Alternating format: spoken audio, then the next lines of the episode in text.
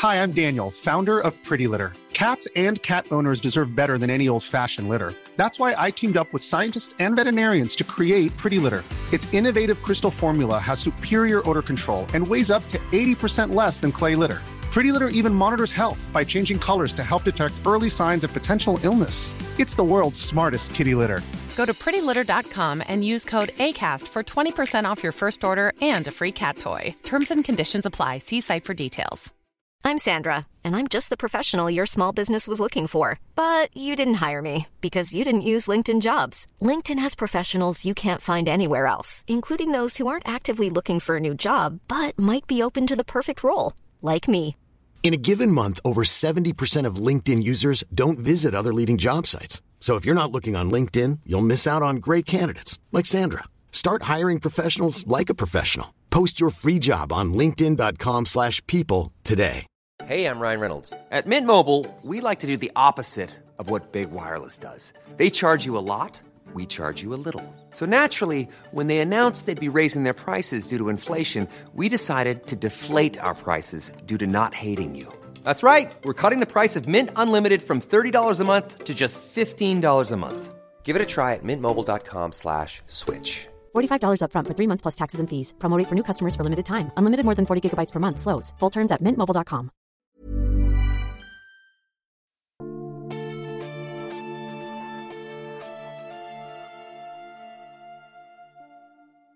Välkomna till Sagan om Isfolket-podden. Avsnitt 47 är det någon där ute. Jag heter Dan och med mig har jag Anna. Hej Anna! Hej Dan! Hej! Det har varit lite uppehåll i podden här som lyssnarna kanske har lagt märke till. Ja, det tror jag alla har gjort faktiskt. På sådär en fyra månader. Ja, och jag vill ju säga att det är ditt fel, men jag måste nog ta på mig skulden eftersom det är jag som har jobbat så mycket. Ja, det är nog huvudsakligen mitt fel och jag tror du kanske är ansvarig för de eh, sista två veckorna. Ska vi säga att det är delat ansvar då? Ja, jag vill ju förklara lite vad som hände då. Ja, det tycker jag är bra att du gör. Ja, jag råkade ut för en oväntad och oönskad skilsmässa. Och hamnade i, i ja, chock i princip. I juli. Ungefär samtidigt som förra avsnittet kom ut faktiskt. Och eh, då gav jag mig själv fyra månader för att hantera det. Och jag gick ut på Facebook och sa det. Och eh, nu har det gått fyra månader så nu ska jag försöka vara igång igen. Och det, det var nog ungefär den tid jag behövde också. Jag tror det var ett väldigt bra beslut av dig. Det hade inte varit så bra om vi poddat när du fortfarande var i chock. Nej, jag hade tyckt det är ingen där ute. Nej, jag har suttit bara Dan för i helvete skärp dig! Eh, ja, så att jag hade problem med alla poddar. Jag lyckades leverera Palmemordet varje vecka. Seriemördarpodden blev lidande och eh, några poddar strök till och med med. Men här är vi igen och poddar Isfolket och vi tänker fortsätta med Häxmästaren och innan dess ska vi göra några mellanavsnitt också. Så vår idé nu är att vara tillbaka varannan vecka som vi var tidigare. Det hoppas vi att vi kan hålla. Precis. Och vi, har ju, och vi har ju gjort det lite grann nu i mellantiden. För vi har ju inte bara liksom läst om Är det någon där ute 2000 gånger. Vi har gjort en resa också, eller hur Dan? Ja, det har vi gjort. Vi har varit och hälsat på Margit Sandemo. Och det är vad nästa avsnitt kommer att handla om. Så i nästa avsnitt har vi Margit som gäst. Precis, och det ska bli väldigt spännande. Och det gav oss en helt ny syn på Är det någon där ute efter att ha träffat Margit. Vilket är väldigt spännande. Ja, utan tvivel. Det var mycket kände man igen från saker hon hade sagt då när vi träffade henne. Eh, Men det ska vi spara till nästa avsnitt. För nu ska vi prata om den här fantastiska boken. Och med fantastiskt menar du nej? Ja, den var ju mycket bättre än vad den någonsin har varit då eftersom vi hade varit och träffat Margit. Men eh, ja, det kanske inte är den eh, skarpaste kniven i lådan. Nej. Eh, Jag håller ju med att den blev ju bättre efter vi varit hos Margit. För för mig blir det ett sätt att hålla fast vid besöket vi hade gjort hos Margit och liksom höra allting hon sa och liknande. Men det, mm, alltså det är ju lite, alltså det är ju ingen riktigt bra bok. Man kan ju inte låta bli undra vad den här boken är till för. Nästan, det känns i princip som ett... eh, vad heter det på svenska? Appendix, här, tillägg på slutet. Ja, Lite som Ringens Värld till Sagan om ringen. Så här är lite extra grejer. Ja men lite så. Och om man ska gå till fantasyböcker känns det lite grann som Ja men ungefär som när David Edding skrev Belgrads besvärjaren och Polgara besvärskan efter han hade skrivit sina två trilogier om Bulgarien. Och han bara oj shit jag missar massa grejer. Jag trycker ihop det i två böcker och så märker ingen att jag skriver in massa nytt. Man bara ja eller? Eller? Det gjorde jag vi faktiskt. Mm, typ. Så vad har vi här egentligen? Vi har... Alltså vi har ju tre delar i den här boken skulle jag säga om jag ska försöka att analysera den på ett bra sätt. Ja, vilka då? Först har vi, eller ja, vi har fyra delar. Den första delen som faktiskt är väldigt, väldigt intressant. Det är Tilis eh, historia. Alltså vad hände med Tili under de här 700 åren hon var borta? Ja, det är nog den bästa biten av boken. Helt klart den bästa biten. För att det är ju helt utifrån hennes perspektiv och det är mycket känslor. Och här lyckas Margit på ett otroligt bra sätt beskriva hennes ensamhet, hennes eh, övergivenhet och hennes längtan efter att bara först bli hittad och sen bara faktiskt få dö. För att det här är ju liksom 700 år där Tili hänger inspärrad i utkanten av det stora svalget. Ja, här är ju Margit som starkast när hon får skriva om eh, någon som har det eländigt. Ja, faktiskt. Och det är väldigt intressant att liksom få mycket av händelserna som händer i slutet på bok 47, eller slutet på bok 46, ur Tilis synvinkel. Och att hon då får, vi får också hennes perspektiv på isfolkets utvalda och deras allierade som finns i det stora svalget som sedan tar ut, vilket är på ett sätt det närmaste vi kommer en utomståendes perspektiv på den här fronten. För jag menar, jag hade nog reagerat likadant som Tilly, varit lite grann i chock och bara oh, shit demoner och ja, där är en massa konstiga andar. Eh, och sen förmodligen, ja, brutit ihop totalt. Ja, man skulle ju kunna argumentera att eh, den här delen tillför absolut ingen information alls. Men jag tycker att den är så bra skriven att den känns... Ja, det känns som den starkare delen av boken. Ja, helt klart det gör den. Och det som, och sen ankar den ju an till det som var förra bokens stora klimax eller antiklimax. Vi har inte riktigt bestämt oss än där. Är Nathaniel död eller inte? Mm, och han är inte död. Nej. Åh, surprise. Ja, nej. Förlåt, vi spoilade. Är det det som du menar är andra delen? Ja, det som jag menar i andra delen det är ju när eh, det är ju när vi går vidare efter händelserna i bok 46. Det är alltså vi har upptäckt att Nathaniel lever.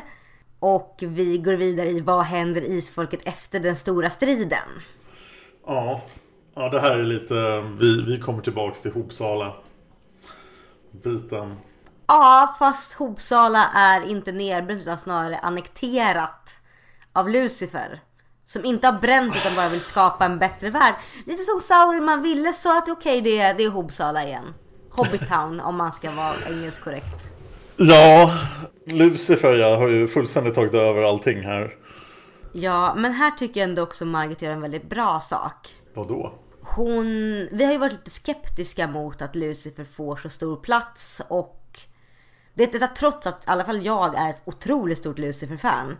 Men att han får så stor plats och att det som han liksom tar över och det känns som isfolk har blivit manipulerade och att deras saga har varit sekundär och bara ett redskap. Och de tankarna som vi har haft får ju nu Tova och Ellen och även Nathaniel ge uttryck för i den här boken. Att det känns ju som att ja men vi har blivit använda och vad är detta? Mm. Och det tycker jag är väldigt snyggt av Mark att ändå på något sätt fånga upp de tankarna. För hade hon inte gjort det så hade ju det här varit, så hade ju det här någonstans varit punkten då jag slängt bok 47 i väggen och bara men nu känns det verkligen som mitt älskade isfolk blir helt utnyttjat. Men hon tar upp den tanken och hon väver in den i berättelsen. Det finns ju någon slags djup filosofisk fundering här över vad, vad som är godhet och ja, om saker görs i gott syfte, hur goda är de? Och det här tycker jag till viss liten del påminner om slutet av Ljusets rike som vi ska prata om i ett framtida avsnitt. Men... Ja... hur är det man säger? The road to hell is paid with good intention. Och Lucifer har ju jättegoda avsikter. Han vill ju ta hand om jorden, se att den blir bättre. Men samtidigt så vill han ju härska över allting och få en revansch på Gud som har sparkat honom i ansiktet. Men det här är inte mitt största problem med den här plotten. Oj! Mitt största problem med den här plotten är alltså att det har gått, ja vi vet ju inte länge men 7000 år minst sen Lucifer förvisades från paradiset. Och han har alltså förberett det här i minst tusen år, säkert längre. Liksom. Han har varit medveten om isfolket sen Tengilronde började härja. Och det här är hans mästarplan. Liksom. Han har jobbat hela tiden. Han har påverkat isfolket all den här tiden för att genomföra den här planen. Men han hade inte förutsett att planen skulle förstöras fullständigt om Gud tyckte nej. Det är ett rätt stort, eh, det är en rätt stor grej att bortse ifrån. Alltså allting måste vara en chansning att Gud bryr sig inte. Han är upptagen med att skapa nya världar eller göra någonting annat. Så att det här kommer att funka för Gud är likgiltig. Ja, hade jag försökt ta över en värld från en gud som aktivt hade, ett, hade en stor eh, beef med mig och som sparkat ner mig från himmelen, ish, eller sparkat ut mig från himlen för att jag ifrågasatte hans pompöshet. Så hade ju min första pri varit till att hur ser jag till att min plan går lås oavsett. Jag, har, alltså jag hade haft en riskskala och risk 1 är Gud sover. Risk 10 är Gud och hela hans jävla ängla här kommer och försöker eh, liksom besegra mig. Och ha en plan för allting. Men Lucifer verkar bara ha tänkt på riskskala 1. Ja, det kunde väl åtminstone blivit en fight för det känns som så otroligt antiklimax här att liksom, ah, aha, här är min mästarplan, jag har tagit över hela världen.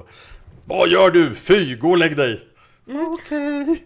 Och det känns ju som att när Lucifer väl... Lucifer hade ju rätt många svartänglar med sig. Ja, de är väl 20 har vi väl konstaterat. Nej, jag får med att de är fler. Jag får med att de 20 stycken är utvalda. Men jag har för mig att vi räknar dem i många, många fler. Ja, jag tror på 20 men jag är lite ringrostig så jag kan Jag inte- tror inte bara på 20, för det känns som att hade det bara varit 20 hade Mark, Marco varit bundis med allihopa. Och det känns och de säger ju i Demonas att här står de 20 som är utvalda till striden. Det tyder ju på att det skett en process. Nu måste vi höra lyssnarnas åsikter här. Vad tror ni? Hur många svarta änglar finns det? Är det Mm. Tillräckligt många för att slåss med änglahären? För jag har för mig att jag har läst någonstans att de änglar som följde Lucifer räknas i miljoner. Åh, hjälp! Ja, Då borde han ju ha tagit fighten. Eller hur? Detta är dock någonting som jag bara minns väldigt löst. Jag vet inte om det är hemma här, eller i ljusets rike, eller i häxmästaren. Men jag har för mig att den här, för den här siffran har dykt upp under läsningen och jag har varit så här. Men det hade kunnat bli en episk fight.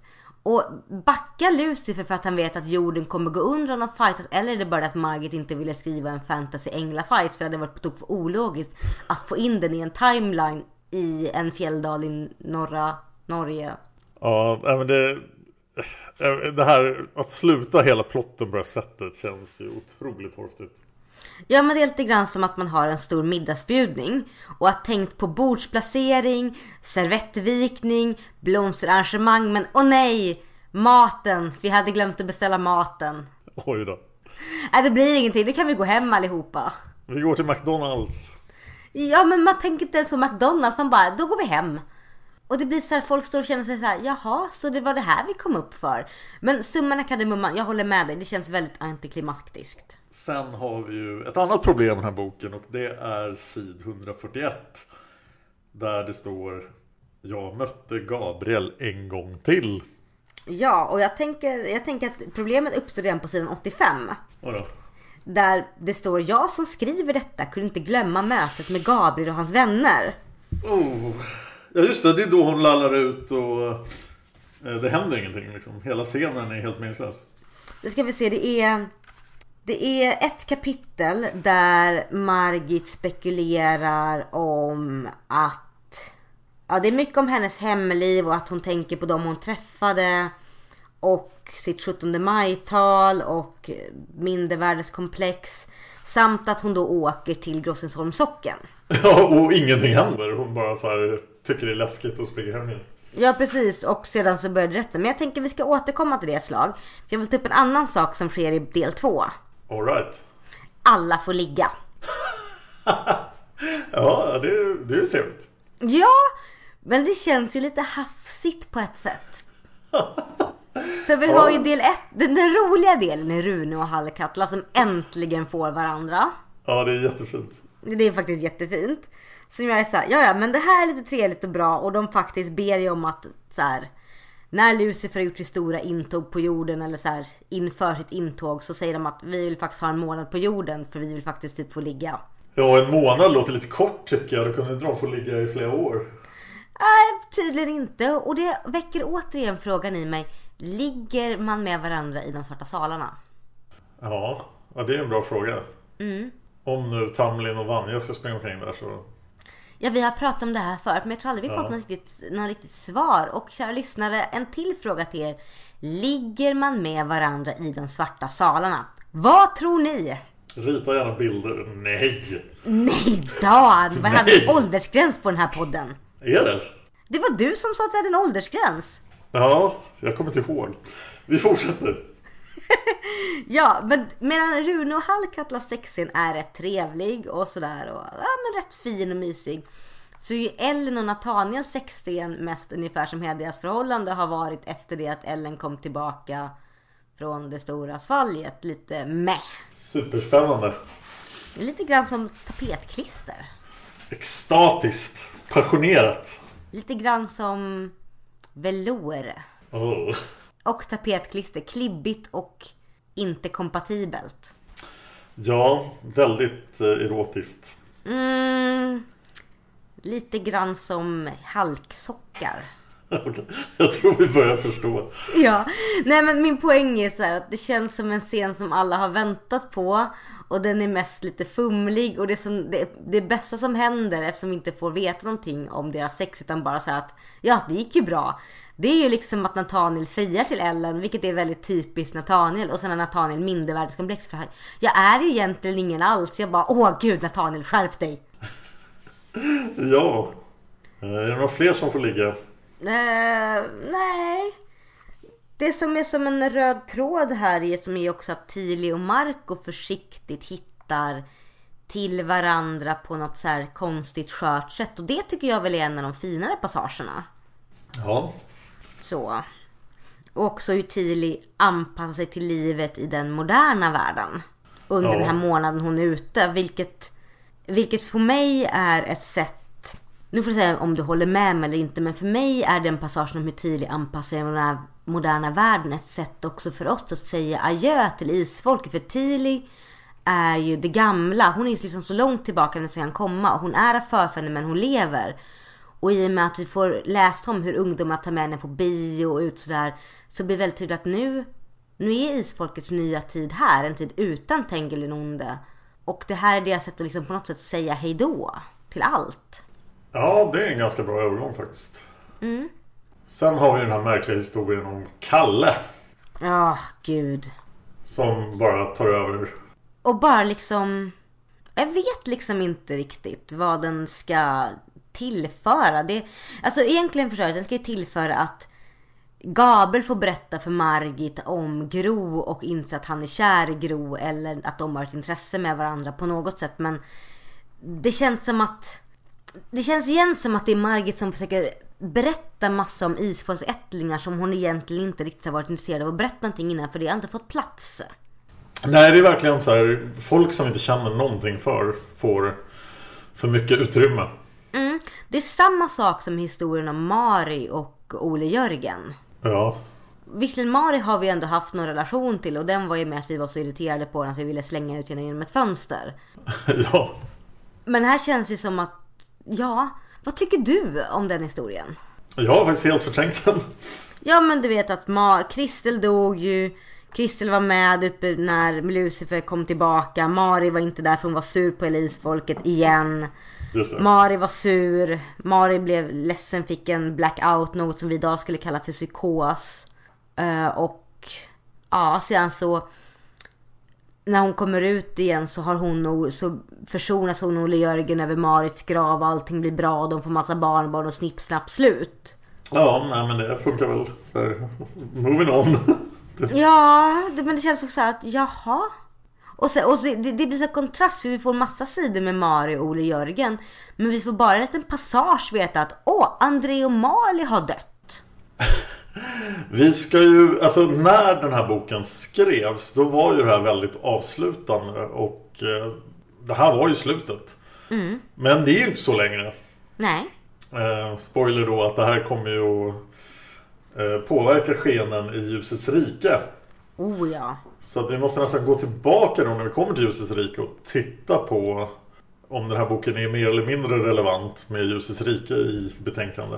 Jag har tänkt på det också. Jag tror vi kommer få sätta oss ner och knäcka den här boken en gång till. Ah! Det är lugnt Dan, vi har gjort det en gång. Vi kan göra det igen. No. Ja, och sen får ju då Margit uppdraget att skriva boken.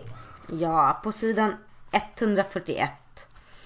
Efter det att Lucifer har sagt hejdå och Gabriel har varit ledsen över att alla förfäderna försvinner så hoppar vi till år 1980. Ja, Där Margit då får brev av Gabriel och blir tillfrågad om att vill du skriva Isfolks historia? Vilket jag inte förstår för Isfolks historia är ju redan nedskriven. ja men den kanske måste skrivas ner lite bättre. För att den är ju skriven på, ja, i någon slags anteckningsform. Och han vill väl att den ska skrivas ner som en, eh, ja, mer välskriven helt enkelt. Ja fast jag är en så här. Jag förstår att Gabriels kladdiga anteckningsböcker från striden kanske behöver skrivas om. Men Mikael Linds böcker som faktiskt uppenbarligen sades vara väldigt bra och där Mikael hade författartalang. Ja, Varför ska de skrivas om? men det kanske är därför de första nyböckerna är så bra. Det kanske är därför. Det var Mikael Lind som skrev dem. Ja. Mm. Heja Mikael! Åh, ja, oj. Ja, och här, det här blev det ju mycket. Från sidan 141 och framåt så är det ju väldigt mycket.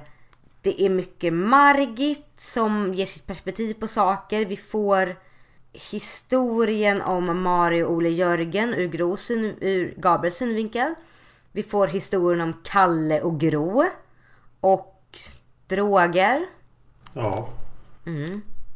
Eh, vi får också säga hejdå till Krista. Ja. Och kan vi, Ja, det, prata, ja, det kan vi prata om. ja, kan vi prata igenom det här att Abel blir så hårt utdömd här så det inte är klokt. Ja, Abel är verkligen ett offer för retconning. Ja, för om jag ska läsa på sidan 176. Inget fel på Abel, men hans största merit hos Krista var väl att han levde den gången.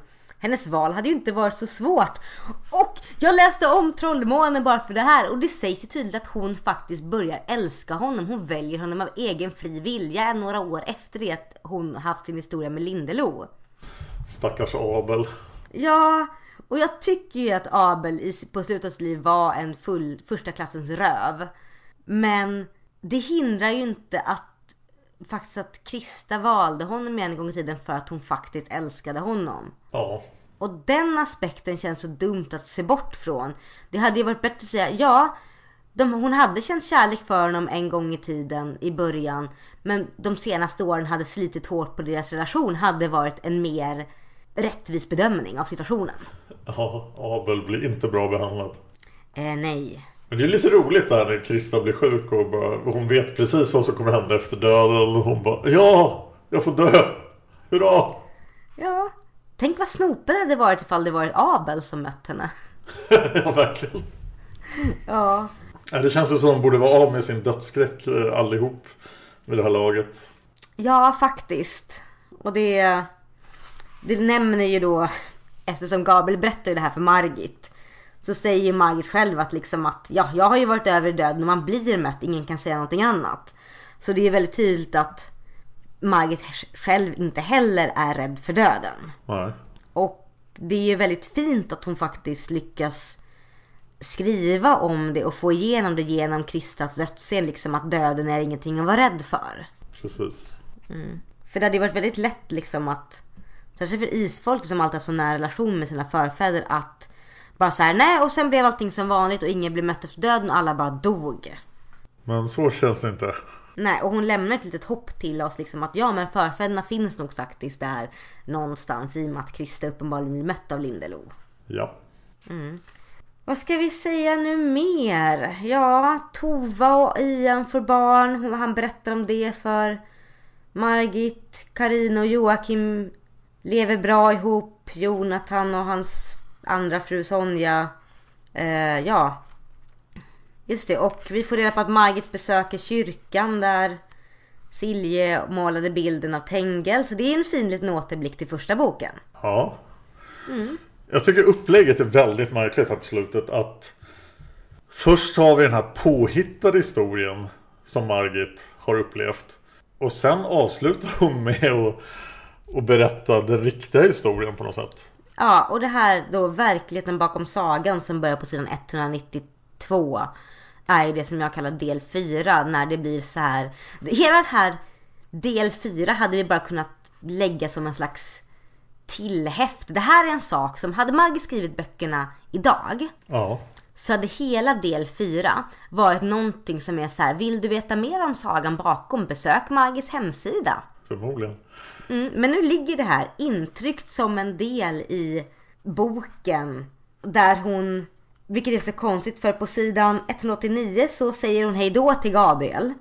Ja. Och på sidan 195 säger hon och naturligtvis har jag aldrig träffat Gabriel. Vilket blir så här, men varför skrev du in dig i sagan överhuvudtaget? Vad gör detta för berättelsen? Dan, vad gör detta? Förklara för mig. Du som är författare, varför gör man så här? Om jag hade korrekturläst den här då hade jag sagt åt Margit att välja en variant. Antingen låtsas hon träffas isfolket eller så ja, berättar hon bara verkligheten bakom sagan. Men att göra båda två känns ju jättemärkligt. Ja, För vilken författare säger till sina läsare att så här, jag hittade bara på allting. Jag precis skrev. Ja, och det känns som att... Jag menar, mycket av det som står i del 4 är intressant. Vi får reda på mycket hur Margit har tänkt när hon skrivit böckerna och sådär. Och mycket av hennes egen historia, till exempel att hon haft sin nära döden upplevelse. Men det är inte så bra att ha med i sista boken av Isfolket för att det det raderar ut så mycket av det hon har skrivit och sagt och tänkt och tyckt. Särskilt när hon vävt in sig själv i Isfolks historia. Då blir det så här, jaha men varför var styckena där hon åkte bil med Gabriel ens med i bok 43? Varför får vi att Gabriel sitter och berättar hennes släkthistoria så att det liksom bäddas upp för att det är en riktig historia? När hon två sidor senare säger att ja, det är klart att det här var fejk. Ja. ja, det är jättemärkligt. Men jag tycker mycket bättre om den här varianten. Att hon berättar vad som verkligen hände. Och just den här del 4 var ju den som verkligen förstärktes av att precis ha träffat Margit. Definitivt. Så att ja, den här biten gillade jag skarpt. Den var jätterolig att läsa. Och jag funderar på liksom att hur det hade kunnat lösas annars. Om vi tänker att vi går tillbaka till bok 43. Plockar bort Margits kapitel när hon åker med Gabriel på något sätt. Ja, Och plockar bort delarna i del 3 av Är det någon där ute där hon har skrivit in sig själv. Jag, jag ser liksom att Ja det hade blivit en kortare bok helt klart. Och bok 43s lösning att Gabriel tar sig upp dit hade fått lösas på något annat sätt. Men jag ser att det kunnat lösas på något bättre sätt. Och i bok 47 här så hade man kunnat få in mer liksom med Ja men mer historia med Tili och mer liksom hur världen hade kunnat bli och mer liksom kanske Vi hade kanske fått säga då till André och Mali, vad vet jag? Jag saknade dem i alla fall och var inte nöjd med att de fick en passage att åh de dog hej och hå. ja men det, det problemet har vi haft hela tiden genom hela sagan. Hur man tar farväl av karaktärer som dör. Mm. Men jag hade nog varit mer nöjd med att Margit bara tagit bort sig själv helt ur sagan. Och sen fått verkligheten bakom sagan. Ja, som, ett, som en del i Är någon där ute. För att som du säger. När jag läste om den här delen så fick jag ju väldigt starka minnen av hur du och jag sitter och pratar med Margit i hennes hus. Och ja, Ja, några, några av de här historierna berättar hon för oss faktiskt. Oh, ja. Som man kände igen härifrån. Ja, och mycket av det som vi vet att Margit har berört i andra böcker, till exempel detta faktum att hon är synsk. Och sådana saker hur det inverkat på hennes skrivande. Men, men, men här är det så konstigt också för att i, på sidan 208 så skriver hon liksom det här som sätter allting på ände för mig. För hon verkligen gör tydligt att jag har inte träffat Gabriel. Men hon säger att hon har ju träffat många av personerna i Isfolket ändå. Till exempel på sidan 200 skriver hon att detta var mitt första möte med Lindelo. Ja. Och den delen, av den delen av hennes berättelse tycker jag är mer intressant. Att hon faktiskt har i sina syner och i sin synskhet sett personer som inspirerat henne. Som kanske till och med har varit med i sagan. Det är för mig mycket mer eh, legitimt och något mer för mig att ta på än att hon har suttit och pratat med Gabriel som faktiskt aldrig har funnits. Ja. Ja, det kan jag bara hålla med om. Ja, för i min värld när hon säger att hon har träffat Lindelo i form av en hjälpare säger jag okej, jag kör på det här grejen för jag är beredd att tro Margit med hull och hår. Hur, ser- hur ser du på det? Ja, det känns ju faktiskt som att det borde ha varit 46 böcker. Och sen kanske något ja, historien bakom isfolket eller någonting. Men ja, det känns som hela den här boken ända långt antiklimax. Tyvärr. Ja, och sedan så känns det som att verkligheten bakom sagan är trevlig men sen på sidan 214 så börjar Margit så här, nu ska jag berätta om min hjälpare. Och sen är det flera sidor om hennes hjälpare, det är lite grann om när hon håller på att dö. Det är Margit träffar svenska paranormala fenomenet Cecilia och hennes bror Dr. Leif Lundberg. Det är varför massmedia skriver så konstigt. Det är själavandring. Det är parallellvärlden som vi faktiskt har berört i Nattens Demon. Hon skriver att hon har träffat Lucifer. Jag kan helt svälja det. Eh, hon, skriver, och hon väver ju in liksom att det här har påverkat på hur jag skriver Isfolket. Ja. Men ja, hon, hon nämner saker som jag tänker hade varit mycket bättre att hon tog upp i sin självbiografi. ja, den har vi ju faktiskt inte läst. Den Nej. ska vi läsa senare också. Den ska vi läsa senare. Till exempel att hon har berättat om hur hon, hur hon mådde jättedåligt efter att hon gick på teaterskola. Hur hon mötte Asbjörn.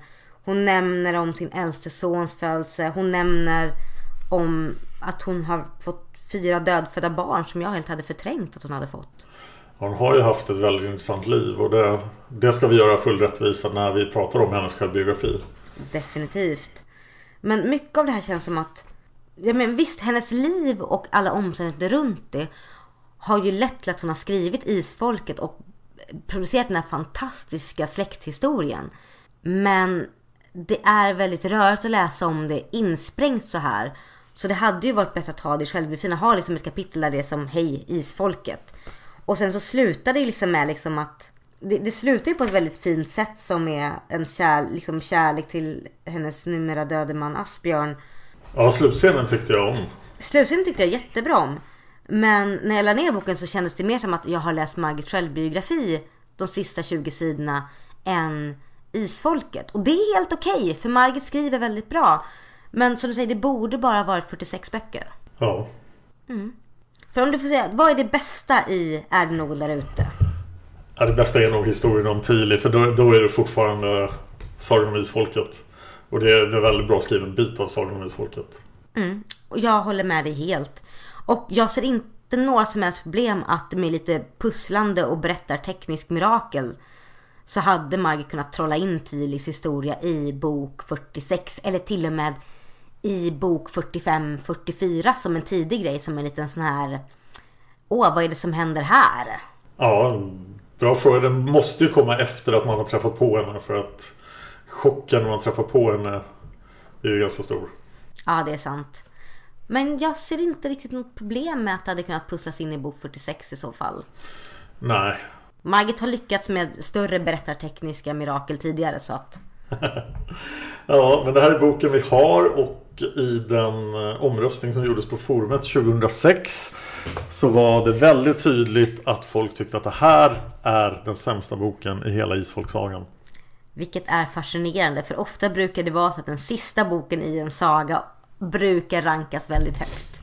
Ja, Men om man tänker på den här boken, inte som den sista boken utan som ett appendix, ett tillbehör, en detta borde egentligen legat på Margits hemsida om hon hade haft en hemsida när den här boken skrevs. Så blir det ju mycket tydligare varför den ligger så långt ner. Ja. Jag har inte så mycket mer att säga om den här boken. Nej, förutom att jag... eh, Jag är ju glad att vi är igenom den. Ja. Eh, Och nu kommer jag alltså att eh, göra ett antal mellanavsnitt innan vi sätter igång med Häxmästaren. Vi får se hur många det blir. Det gör de så länge de känns meningsfulla. Ja, vi kommer ju göra, göra nästa blir ju om Margit som ni kanske redan har förstått. Ja. Och vi har även planer på att göra lite grann om de bästa böckerna och lite grann om Ja, lite reflektioner. Mycket från vad er lyssnare tycker. Så vi kommer lägga upp lite trådar på forumet och vi kommer länka ut dem på vår Facebook-sida. Så håll utkik där. Just det, vi vill ju höra vad ni tycker om sagan som helhet. Alla 47 böckerna, det har vi inte gjort än. Vi har bara Nej. pratat om bok för bok. Men nu vill vi höra vad ni tycker om hela sagan. Mm, och vi vill ha lite vad ni tycker var bäst. Kanske bästa sexscen eller bästa, bästa dödsscen. Och om ni fick ändra något i sagan, vad hade ni ändrat på? Så håll utkik på vår Facebook-sida för när det här avsnittet släpps så bör det ligga uppe en tråd på vår Facebook-sida som ni kan gå in och svara på. Så har ni inte registrerat en användare på vårt forum så gör det nu. In och registrera er för den här tråden vill ni svara på. Ni vill tycka till om hela sagan. Precis, och sen måste ni också gå in under eh, omröstningar på forumet och eh, ge ett betyg 1-10. Och för varje bok, för den, de kommer användas till vår topplista. Mm, topplistan kommer gås igenom med trumpetfanfarer och konfetti. Konfettit kommer inte kunna se men ni kommer kunna höra trumpetfanfarerna. Oj, oj, oj! Ja, ja, jag har kvar några tutor från när vi livepoddade.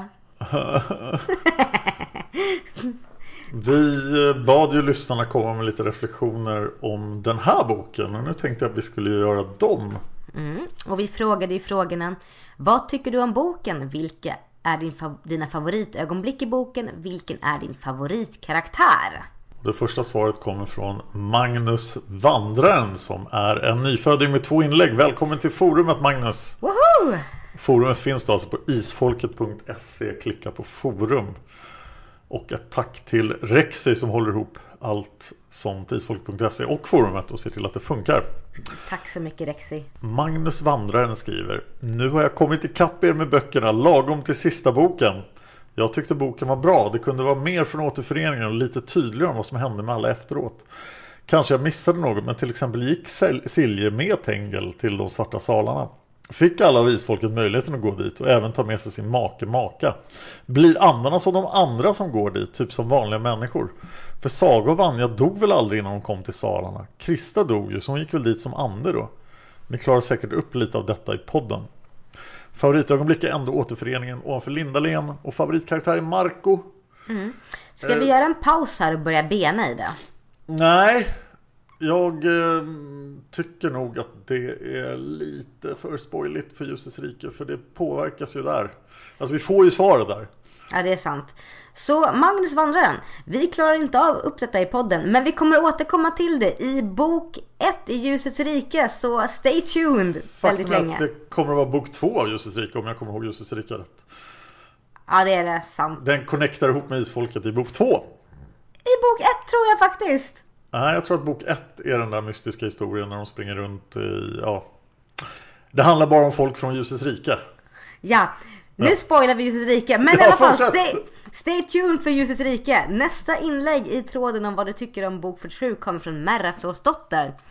Som säger, det börjar mycket bra med berättelsen om stackars Tili. Men så fort det återgår till, Dav- till Gabriels perspektiv och senare Margits blir det mindre bra. Det blir fel fokus med Margit, Gro och Gabriel. Ärligt talat skiter jag högaktningsfullt i dem. Jag vill hellre se gamla godingar som Tengil den gode och Silje etc. fira att den onde är oskadliggjord. Och hela Lucifer-grejen är lite lols. Jag menar, han har planerat att komma tillbaka till jorden och ta över jättelänge. Skickat runt mark av hela jorden för att förbereda. Och sen kommer en ärkeängel och bara nej, det blir inget med detta gubbelelle. Gud says no. Och Lucifer bara nej okej, tänkte inte på det. Uh, okej. Lucifer tänkte alltså inte att Gud skulle ha något emot han tog över världen. Supergenomtänkt. Verkligen. Men! Jag tycker att sista biten av boken, när Margit i verkligheten berättar, är intressant och spännande. Särskilt eftersom jag lyssnade på Storytel och det var Margit själv som läste in sin bit. Snyggt! Mm-mm. Favoritögonblick? Inga! Saknar härliga återföreningar. Stör mig bara på Gabriels valpiga hälsande på isfolk på bergskarmen. Favoritkaraktär? Tili, kanske. Övrigt? Dan verkar ha träffat Margit en del. Det skulle vara jätteintressant att höra mer om det. Ett specialprogram kanske? Tror att Margit har lyssnat på podden förresten? Och då kan vi säga att Margit har inte lyssnat på podden. Nej, det vet vi med all säkerhet nu efter att vi har besökt henne. Ja, tyvärr. Men hon älskar er läsare väldigt mycket. Ja, Och Märafdotter säger vidare, ser fram emot häxmässan, har just börjat lyssna och känner att det finns mycket att prata om. det finns det säkert. Jag känner att jag har berättat ganska mycket om när jag träffat Margit och att det kanske passar bäst att flika in sådär lite då och då. Men jag skulle nog kunna prata i ett helt avsnitt om det. Ja, vi får se. Vad tycker ni andra? Vill ni höra ett sånt avsnitt? Det låter lite så här självgott. Bara, Åh, jag har träffat Margit jättemycket. Det är inte så supermånga gånger. Jag kan ju prata om att jag har träffat Margit nu också. Ja, det kan du. Så säg vad ni tycker kära lyssnare. Eh, vill ni höra Dan och även mig prata om hur vår upplevelse var att träffa Margit ett helt avsnitt så säger ja. Eller nej. Nästa svar kommer från Sinsiev från Nor. Som tyckte om boken. Den klart sämsta boken i serien. Delen med Gabriel och Margit är helt olidlig. Gro hit och gro dit. Hur kan man ens heta Gro? Så tjatar Gabriel lite extra och bla bla. Bara att ta med sig själv i sina egna böcker känns så fel. Episoden med Lucifer som ville ta över världen är jag saknar ord. För det första tycker jag att det totalt förminskar isfolket. För det andra är Lucifers plan dålig. Och slutligen, vad händer med alla drabbade karaktärer? Förlorar de sin magi och sitt utseende? Det var så jag tolkade det när jag läste boken. Jag kan inte förmå mig att läsa om den. Alla omläsningar har slutat vid bok 46 för mig. Arg! Boken borde begå seppuku för att rentvå seriens ära. Delen med Tilly var inte så spännande eftersom vi redan visste allt kunde vi fått, inte fått reda på mer om hennes och Marcos relation istället. Vilket är dina favoritögonblick i boken syns jag från ord Inget! Förutom när den tog slut. Kan kanske överväga att läsa delen som handlar om Margits egna tankar, kanske. Vilken är din favoritkaraktär? Tilly, för det var den minst olidliga i boken. Och nästa svar kommer från Heike som säger Jag drar med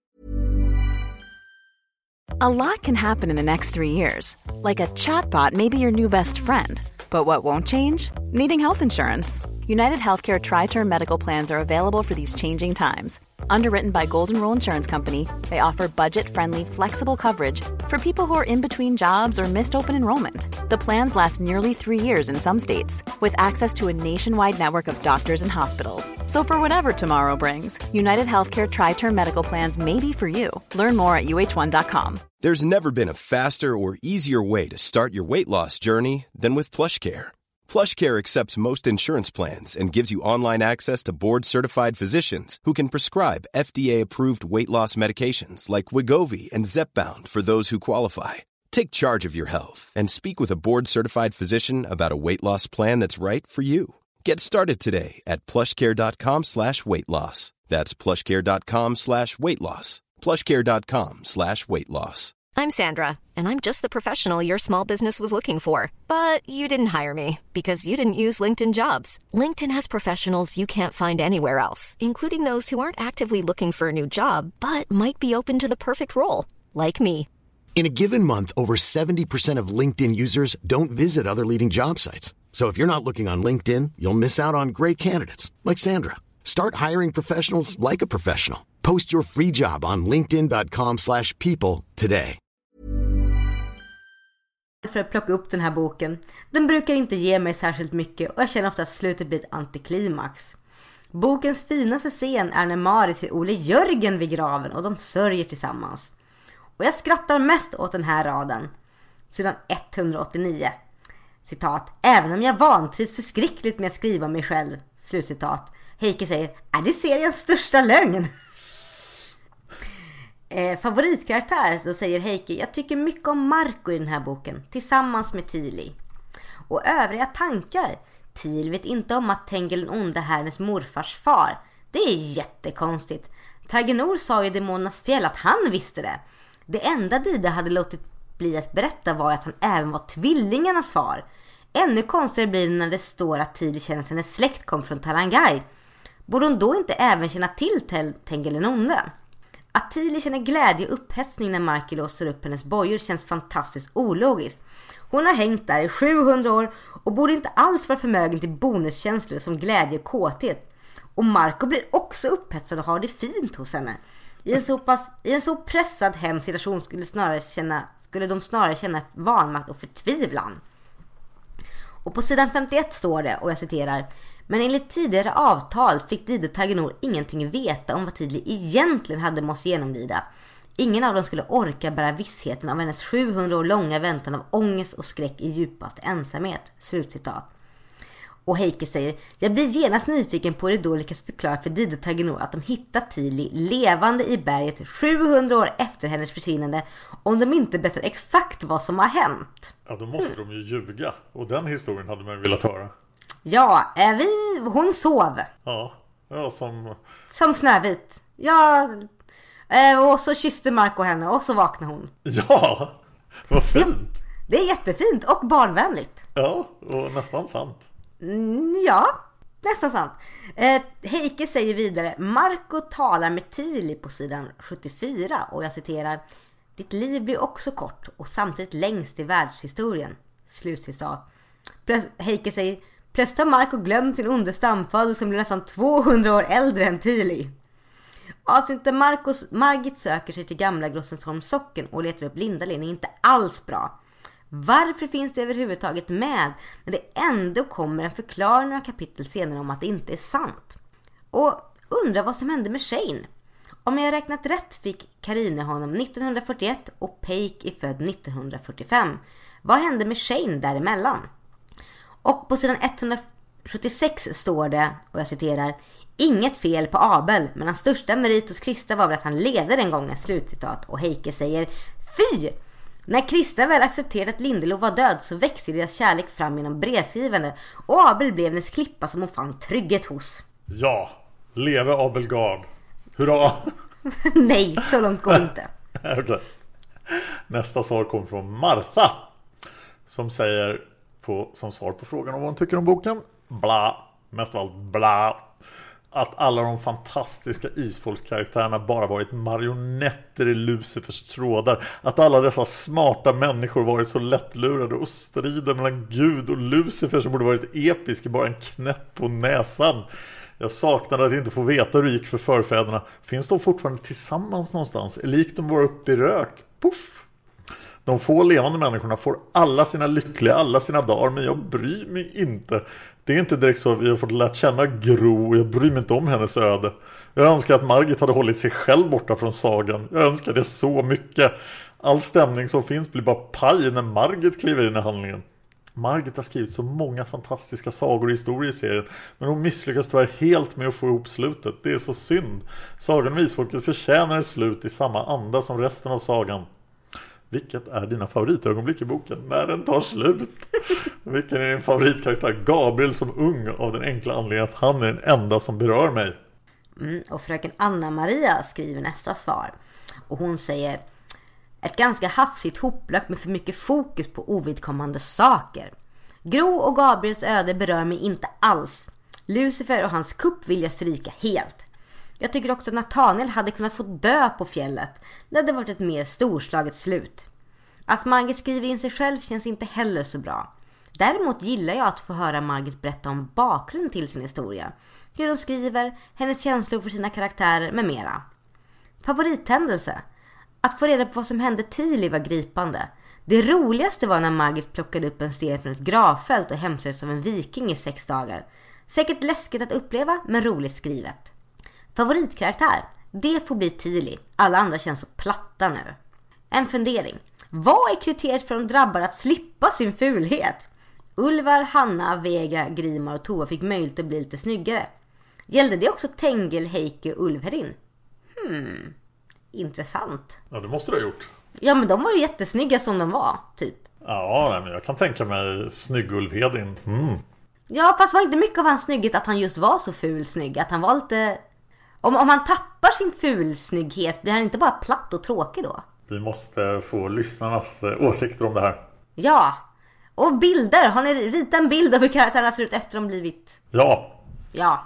nästa svar kommer från Charlotte M. Som också är en nyföding med sju poster. Så välkommen till forumet om jag inte har sagt det tidigare. Vad tyckte du om boken Charlotte? Har verkligen blandade känslor inför denna bok. Både när jag läste den som 14-åring och nu när jag läste om den 25 år senare. Dels för att sagan nu är slut. Och dels för att det blev ett sånt antiklimax och besvikelse. Boken tillhör tyvärr inte mina favoriter i sagan. Kände mig lite snuvad när jag insåg att Lucifer använt isfolket som någon slags marionetter för att ta över världsherraväldet. Och dessutom tar åt sig äran för deras kamp genom åren fast han mest suttit och häckat i sina svarta salar. Jag blir så trött på Lucifer i denna bok. Han är bara en tröttsam besserwisser och diva som föreläser och kommenderar folk och demoner vad de ska göra utan att fråga vad de själva faktiskt vill. Och jag tyckte faktiskt om honom i Lucifers kärlek. Jag känner att han nästan förtjänar sin husarrest. Att världen får dras med honom en gång vart hundrade år räcker mer än väl. Blev faktiskt lite skadeglad när ärkeängeln Mikael satte honom på plats.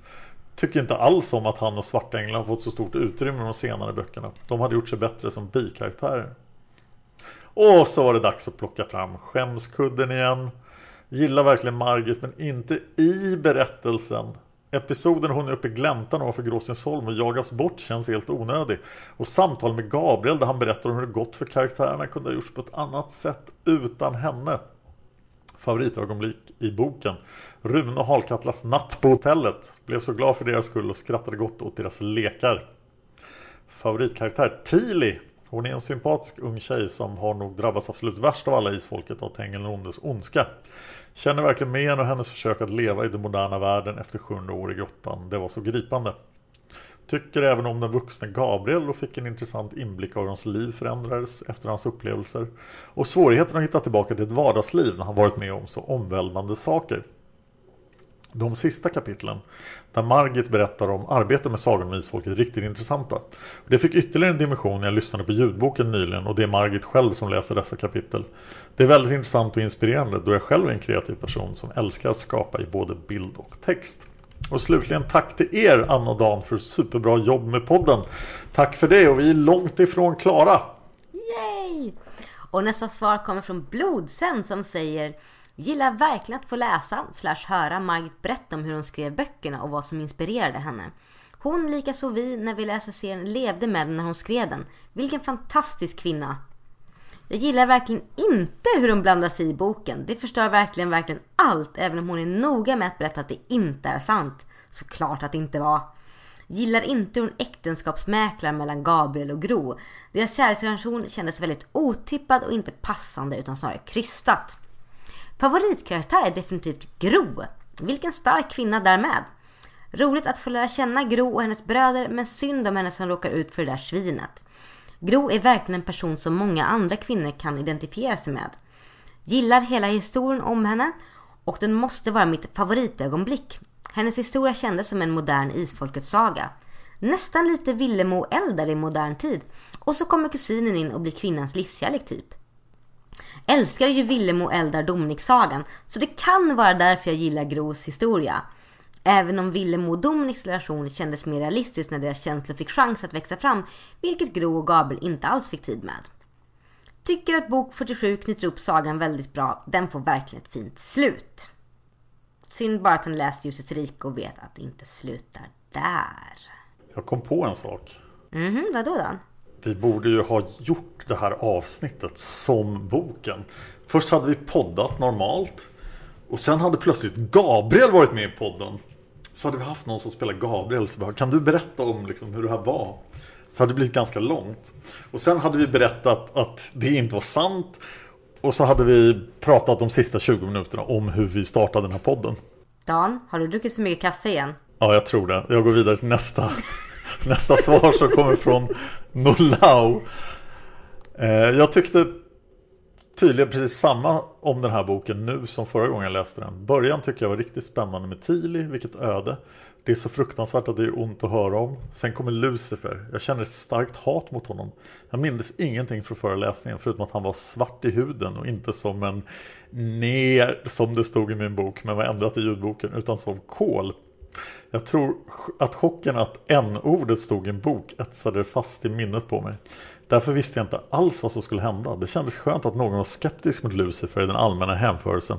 Men sen, sedan tog sig allt det ifrån Tova. Alla blev plötsligt lika trogna tjänare till den fantastiska Lucifer. Men efter att alla hyllat honom förlorade han kampen mot Gud på ett ganska barnsligt sätt. Så här kändes det för mig. Ärkeängeln. Gå hem! Du får inte leka med de stora grabbarna. Lucifer. Men jag vill, jag vill, jag vill! Ärkeängeln. Nej! Lucifer. Okej. Okay. Och Gabriel, irriterande lilla Gabriel som ska springa runt och hälsa på alla. Det var kul att få höra hur det gick för de som blev kvar men det kändes lite utdraget. Jag har blandade känslor inför Margits del. Till en början var det intressant att höra om hennes skapande. Men det kändes inte riktigt som att det hörde dit. Det kunde ha varit ett författarporträtt i en tidning eller så. Eller kanske någon form av efterord. Och tjatet om att hon inte gillade att skriva om sig själv. Varför gjorde hon det då? Det är verkligen måste att skriva in sig själv som karaktär i sin egen bok. Det finns många författare som inte gör så. De allra flesta till och med. Jag gillar Margits utbrott om baktalandet av tjocka människor. Jag har själv inga sådana problem. Har under de senaste åren fått en ögonöppnare. Att det inte alls är så enkelt att gå ner i vikt som många vill få det till. Ändå lite konstigt att Margit har kämpat så mycket med sin vikt. Och att det ändå finns en hel del fat shaming i hennes böcker. Mm. Många avskyr den här boken. Och det förstår jag. Jag gillar den inte heller mycket, men enligt mig är den inte på långa vägar den sämsta boken. Jag säger bara Vandring i mörkret och Huset i Eldafjord. Så tråkigt att klockorna stannar.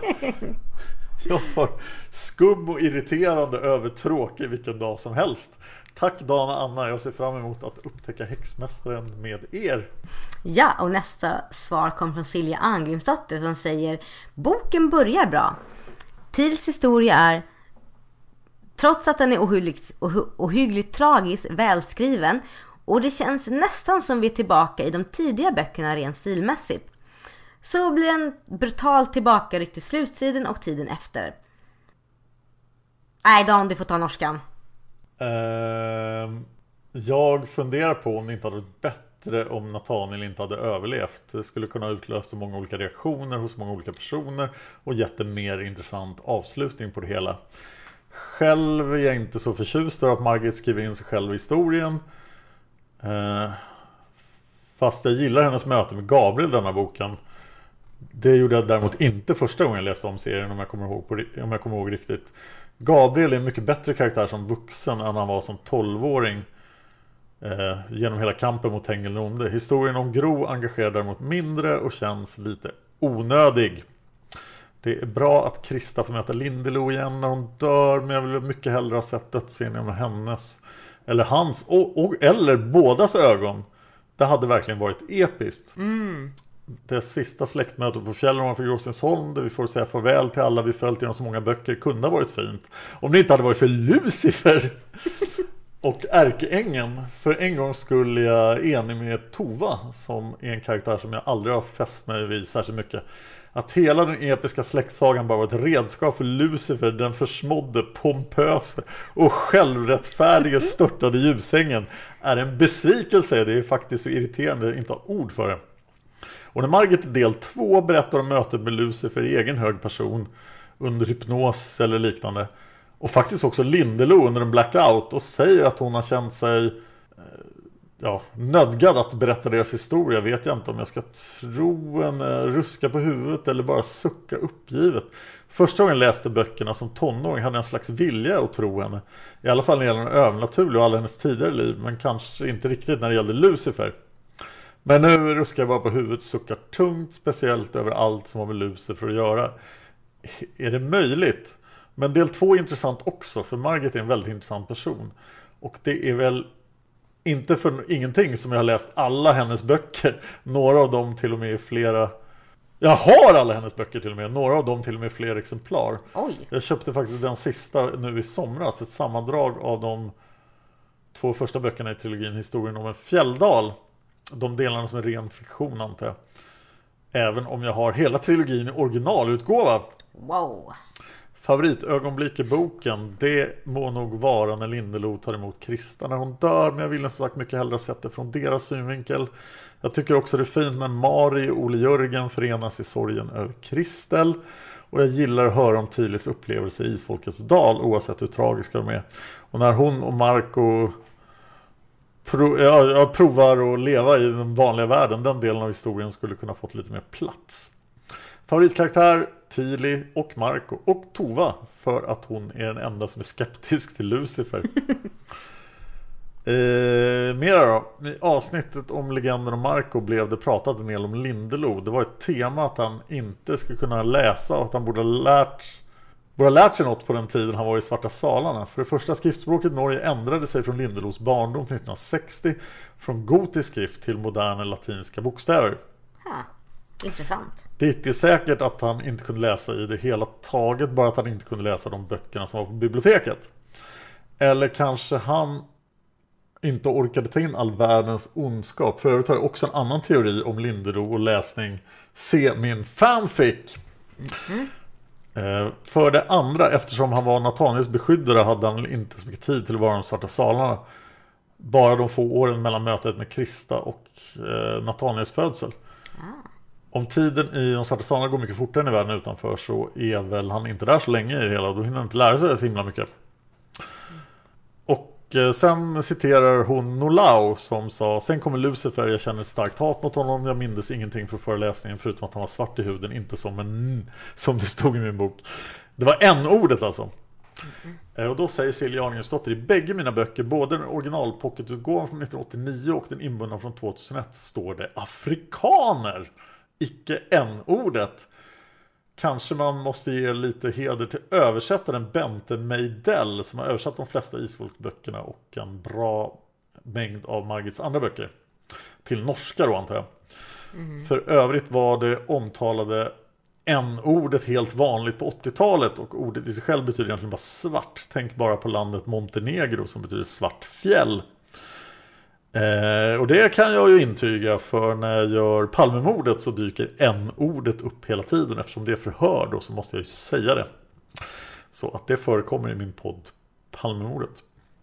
När man läser upp förhör från 1986-87.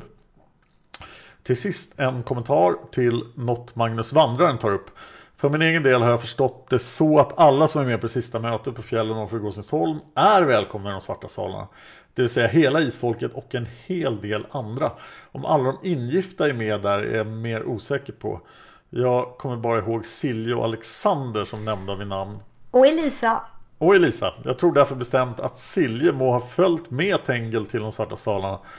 För som jag känner dem från de första böckerna så älskar de varandra överallt på jorden. Och de lär ju ta möjligheten att vara tillsammans evig tid. Om de inte är så förbannade på Lucifer att de inte vill ha honom att göra. Från när de gifter sig till de som de dör är de väl aldrig ifrån varandra någon gång Bortsett från de gångerna Tengel reser till exempel Akershus slottfästning för att hela folk Och då Silje uppsöker Charlotte Meiden i Trondheim efter flykten från Dalen mm. Och helt till slut en stort tack för alla de strålande podcasterna Det är trist att isfolken nu är slut Men se fram, till extra, se fram emot extraavsnitten och mot Häxmästaren! Wow! Tack!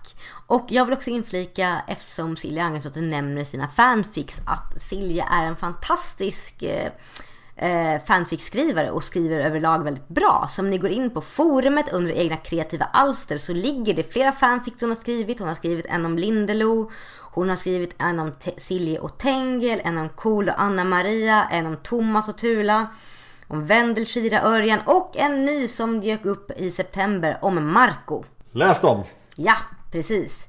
Nästa svar kommer från Sansan86 som är nyfödd på forumet. Varmt välkommen! Som skriver Äntligen är jag ikapp er i podden och har kunnat skriva inför ett avsnitt. Jag läste serien första gången när jag var typ 12-13 år och lånade böckerna av min bästa vän som hade hela serien. Jag fick den senare av min far i present som hade hittat den på loppis. De står på hedersplats i min lägenhet och jag har läst serien säkert 4-5 gånger vid detta laget men det är ett antal år sedan sist. Men jag hittade ljudboken och er podd tack vare att ni gästade Storytel-podden för ett tag sedan. Och sen har jag sträcklyssnat mig igenom ljudböckerna och era poddavsnitt mellan varje bok. Tack för fantastiska analyser och sammanfattningar. Varje sak jag reagerat på har ni haft upp och diskuterat. Så tacksam för ert fantastiska engagemang för min absoluta favoritserie. Tack så jättemycket! Och Sansan86 säger på frågan vad tycker du om boken att jag hade helt glömt att den bara jag hade helt glömt att den inte bara innehöll alla Margits tankar kring skrivandet serien så jag blev positivt överraskad. Till en början. Tills Lucifer dök upp. Lucifer. Haha, tack för att ni röjde undan det enda som hade kunnat stoppa mig. Nu är det min tur.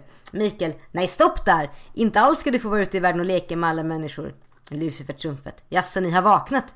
Då får väl jag gå och leka i mina svarta salar igen. Usch och fy. Jag gillar att Margit återkopplar jag gillar att Gabriel återkopplar med Margit så det inte blir ett abrupt slut på allting. Det rättfärdigar inhoppet av Margit i tidigare böcker.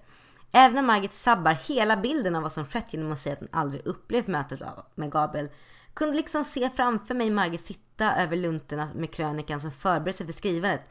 Även om jag visste med mig att så inte skett. Jag både gillar och inte gillar Margits tankar om skrivandet. Kan inte riktigt bestämma mig. Hade kunnat vara utan det. Men i ljudboken så är det ju Margit själv som läser in det kapitlet så då är liksom allt förlåtet på ett sätt. Att höra hennes röst gav mig rysningar och jag smålog åt hennes förnorskade svenska uppläsning. Favoritögonblick i boken? Rent litterärt, att få Tilis skildring av historien. Upplevelsemässigt när Margit tog, tog vid de sista kapitlen. Favoritkaraktär? Jag måste säga Gabriel. Dels för att det är han som för historien framåt och ger mig en bild av mest karaktärsutveckling. Övrigt, i inläsningen av Margits kapitel upptäckte jag att nästan allt var samma som i min upplaga från 1989. Men det var vissa avsnitt som hoppats över helt eller skrivits om. Det gällde avsnitten med Leif Lundberg och Själavandringen.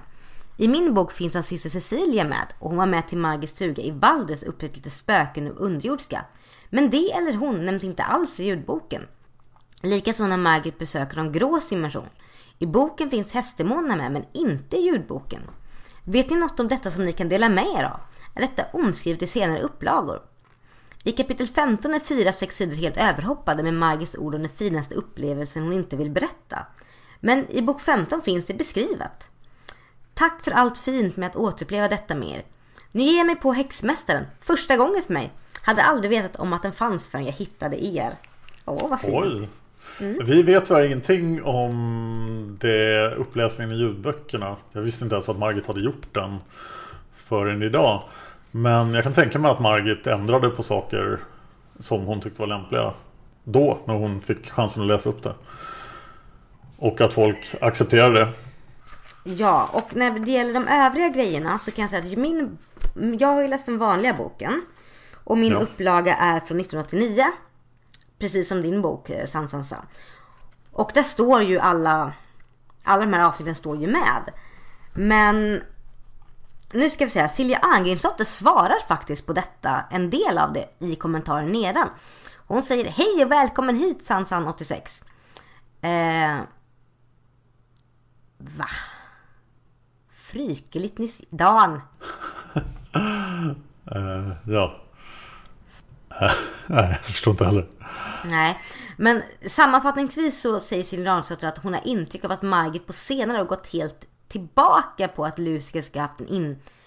Hon ska ha backat på sitt påstående om att Lucifer ska haft en inverkan på huruvida serien ska bli skriven. Silja Ramsdotter säger att jag har bland annat sett och hört henne på Litteraturhuset och på Oslo bokfestival. Hörd, jag hörde inte dessvärre så mycket vad hon sa för det var några år sedan eller jag minns inte så mycket vad hon sa för det var några år sedan. Men hon länk, men Silja Arngreps länkar in ett referat här av vad som sades och hon rekommenderar alla att läsa det. Det står om isfolket där, inklusive det med Lucifer och mycket annat från Margits värld. Eh, Sansan 86 berättar också att eh, när Margit läser upp de här kapitlen i ljudboken och hon kommer fram till n-ordet så säger hon afrikan istället. Mm. och hon säger också att det som rör Cecilia Lundberg, Lucifer och Hästdemoner är överhoppat i ljudboken. Vi har ett sista svar här från Yrja i Nifs. Så nu skriver jag att vi har poddat så att ingen mer kan svara. Så. Yrja säger jag är inte helt säker på vad jag tycker. Delar av den här boken är bra, som att vi får veta mer om vad som skedde med Tili. Och det är trevligt att läsa om när de utvalda kommer hem. Scenen med Ellen och Nathaniel när han vaknar, är fin och ganska trevlig med den ofyselige dörrsäljaren. Ö, otrevliga dörrförsäljaren. Ja, den otrevliga dörrsäljaren var det nu var. Eh, Rune Harkattas natt på, natt på Lyxhotellet är också härlig att läsa om. Lucers misslyckade kupp kunde gott ha försvunnit. Jag blir ganska sur när jag tänker på hur han har styrt hela kampen och hur han har påverkat folk. Kan gott förstå de som kände sig nedgraderade till Lucifers nickedockor. Det att Margit skriver sig själv in i historien är jag inte särskilt förtjust i. Eh, ja, andra halvan av boken är jag väldigt lite förtjust i överlag. Även om det är intressant att läsa om bakgrunden till sagan och så är allting ett antiklimax. Det verkar lite som att Margit tänkte Oj, här har jag ju bara en halv bok, vad gör jag då? Vad ska jag göra för att fylla ut boken? Ja, vi uppfinner den fiktiva Gabriel på besök för att få veta mer om hur det har gått för isfolket. Och så skriver jag lite grann om bakgrunden till sagan och upplevelsen jag hade med när jag skrev den. Eh, kult att Margit läste den sista delen i ljudboken på Storytel. Men eh, annars är jag inte helt begeistrad och hoppas att... Och brukar hoppa över. Jag brukar hoppa över den sista, den sista boken. Den, den sista, sista, delen, delen. till och med. Ja, inte hela boken. Favoritögonblick i boken. Halkatla och Runes äventyr på hotellet. Unnar bägge all möjlig lycka och blir så glad på Runes vägnar att han blev en ordentlig människa. Vilken är din favoritkaraktär? Jag tror jag måste eh, joina alla och säga Tili. Kudos till Dan och Anna för att ni har poddat hela serien och jag gläder mig till Häxmästaren. Ja, 47 avsnitt, det är ganska mycket. 48. Vi gjorde ett halvavsnitt halvvägs. Ja, det är sant. Och snart kommer det mer avsnitt. Ja! Åh, vad bra. Och vi brukar ju gå igenom lite fel och missar och vi har ju en tråd på forumet. Men problemet är att den enda fel och miss som nämns, den spoilar ljusets rike. Så den kommer vi ta upp till ljusets rike. Ja, och innan ljusets rike ska jag säga mellanavsnitt, häxmästaren, säkert några mellanavsnitt till. Så det är ju ett tag kvar till dess. Mm. Vi vill jättegärna ha iTunes-recensioner. Lyssnar ni på den här podden på en Apple-plattform så ge oss en iTunes-recension. För det gör att podden blir synlig för flera. Och det gjorde även vårt uppdykande i Storytel. Så att nu har jag faktiskt sett att vi har det senaste avsnittet, avsnitt 46, har eh, hörts av dubbelt så många som brukar lyssna på den här podden. Oj, tack så jättemycket alla! Det kan ju vara en effekt av det långa uppehållet också. Vi har fått tre iTunes-recensioner. Oh. Den första har rubriken Två år senare. Eh, fem stjärnor av Losing Kilo. Har just hittat podden och nu läser jag böckerna tillsammans med Dan och Anna och det är fantastiskt. Nästa iTunes-recension heter En av mina favoritpoddar av Sinsiev från Nor. Fem stjärnor. När jag hittade podden beslutade jag mig att skriva min recension efter att ni var klara med serien. Så nu kommer den. Eh, lyssnar om alla avsnitt och er utveckling är fantastisk. Dels funkar tekniken bättre men den största förändringen har skett innehållsmässigt. Tack för en fantastisk podd. Nu peppar vi Häxmästaren. Ja, det gör vi. Ja!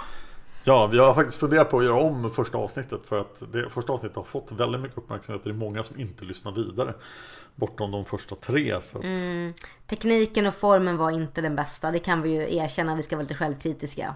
Det är alltid problemet med poddar. Man måste ju börja någonstans. Man kan inte vänta tills det är perfekt. Man måste liksom starta. Och tyvärr så är ju Trollbunden en av de absolut bästa böckerna. Så att den har inte riktigt fått podden den förtjänade. Nej, kanske vi kan sätta oss och podda live om just Trollbunden för att göra det bättre. Oh, det var en intressant idé. Säg till om ni gillar den idén. Här kommer till iTunes recension. Nostalgitripp, fem stjärnor av M-pan. Bästa sättet att återbesöka isfolket är i sällskap av Anna och Dans podd. Stort tack för en mycket underhållande podcast! Yay! Tack så jättemycket! Ni är så underbara! Och vi ska också uppmärksamma några fler underbara människor och det är alla ni som stöttar oss på Patreon. För vi har ju en Patreon-sida. Där vi har, eh, ja, där man kan skänka oss en slant. Och så poddar vi om, is, om Häxmästaren, vilket vi kommer göra. Och vi har några underbara människor som stödjer oss och vi vill tacka Karin Simonsen, Hanna Naversjö, Belmina Korsa, Cecilia Hellstrand, Nolau, Jenna Larsson Rydhammer, I.V.A. Karlström, Maria Andersson, Birgitta Hedberg, Yes, Marita Vio, Magnus Rask, Glasögontönten, Monica Nyhus, Solveig Gudnadotter, Petnorell Petronella Thorén, Cinzia från Nor, Lone Norefors och Desiree Lindmark. Tack så jättemycket för att ni stöttar oss på Patreon. Och här vill jag också påpeka att Patreon är en sponsring per avsnitt. Så under den här långa tiden vi inte har gjort några avsnitt så har ni alltså inte betalat någonting. Eh, så att det är ett incitament för oss att göra avsnitt. Det är ett dubbelriktat avtal helt enkelt. Vi får bara pengar om vi gör avsnitt. Mm. Och eh, tack så jättemycket för att ni sponsrar. Det Mm. är fantastiskt värdefullt. Och tack också till er som har eh, passat på att signa upp under den här perioden då vi faktiskt har haft ett uppehåll. Det har varit jättekul att se att även fast vi har tagit en lång paus så vill ni fortfarande höra mer av oss. Det har varit en stor peppfaktor för oss. Ja, jag fick lite frågor där i början när uppehållet började. Men det är nämligen så att pengarna dras i början av nästa månad. Så folk trodde att det drogs pengar. Men det gjorde det inte. Utan det var då för avsnitt som kom i början av juli, drogs i början av augusti. Eh, Jag vill också påpeka att vi ligger nu på, när jag tittar på Patreon nu, ligger vi på 59 dollar.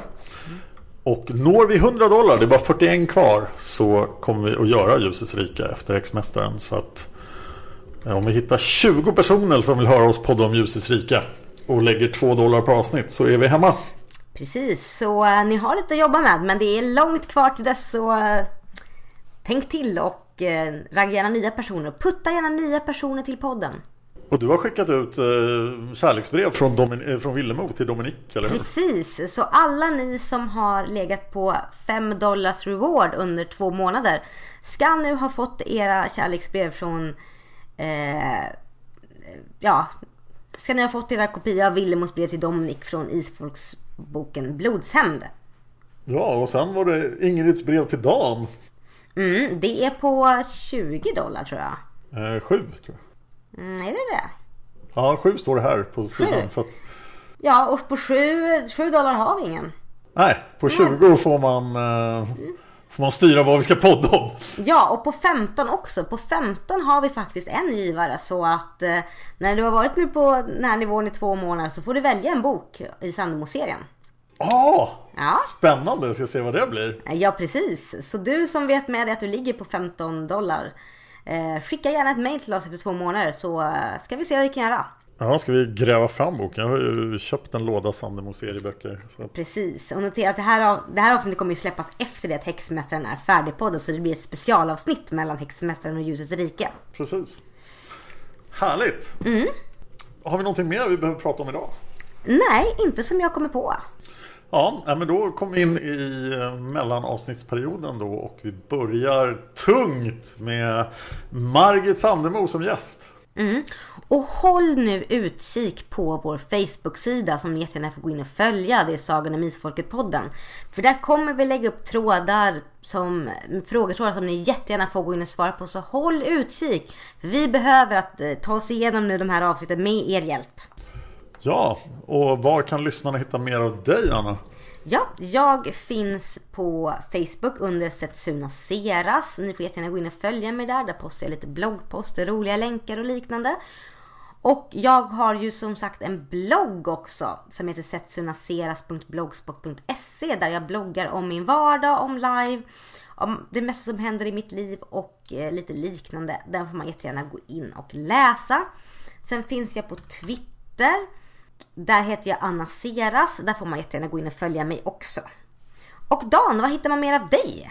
Eh, Jag finns också på Twitter, Dan Horning. Och nu på senaste tiden har jag börjat eh, finnas på Instagram också då, under Dan Hörning. Eh, Och jag försöker ha ett levande Instagram. Det är inte helt lätt men jag lär mig. Jag finns även på Facebook, där jag har en officiell sida. Och jag driver ett antal andra poddar och vilka jag vill nämna då Seriemördarpodden. Och eh, Palmemordet. Så är ni intresserade av de sakerna. Och under eh, november så ska jag lansera en, en till podd som heter Massmördarpodden. Massmördare är inte riktigt lika spännande som seriemördare men jag har hittat fall som är spännande. Olösta massmord. Där folk dör som flugor och ingen vet vem det var som gjorde det. Och den här podden kommer lanseras på en ny plattform som kommer väldigt snart som heter Podme. Och det kommer vara en betalpodd så att det kommer kosta 29 kronor i månaden att lyssna på Massmördarpodden. Så det är ett nytt grepp och en sak som inte har funnits i Sverige tidigare. Så vi får se hur det fungerar. Spännande. Då kör vi vidare! Ja, så ses vi i nästa avsnitt och vi pratar med Margit Sandemo hörni. Det gör vi! Ha det bra, hejdå! Hej då!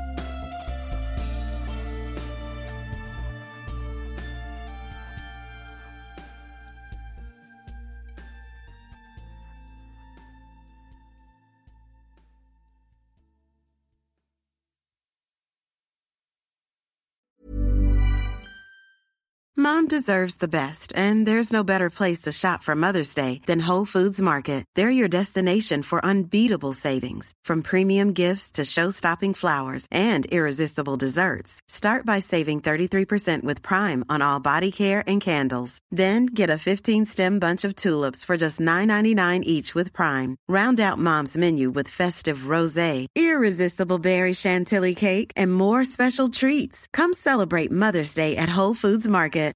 Hi, I'm Daniel, founder of Pretty Litter. Cats and cat owners deserve better than any old fashioned litter. That's why I teamed up with scientists and veterinarians to create Pretty Litter. Its innovative crystal formula has superior odor control and weighs up to 80% less than clay litter. Pretty Litter even monitors health by changing colors to help detect early signs of potential illness. It's the world's smartest kitty litter. Go to prettylitter.com and use code ACAST for 20% off your first order and a free cat toy. Terms and conditions apply. See site for details. Hey, it's Paige DeSorbo from Giggly Squad. High quality fashion without the price tag. Say hello to Quince. I'm snagging high-end essentials like cozy cashmere sweaters, sleek leather jackets, fine jewelry, and so much more. With Quince being 50 to 80% less than similar brands. And they partner with factories that prioritize safe, ethical, and responsible manufacturing. I love that. Luxury quality within reach. Go to quince.com slash style to get free shipping and 365 day returns on your next order. Quince.com slash style.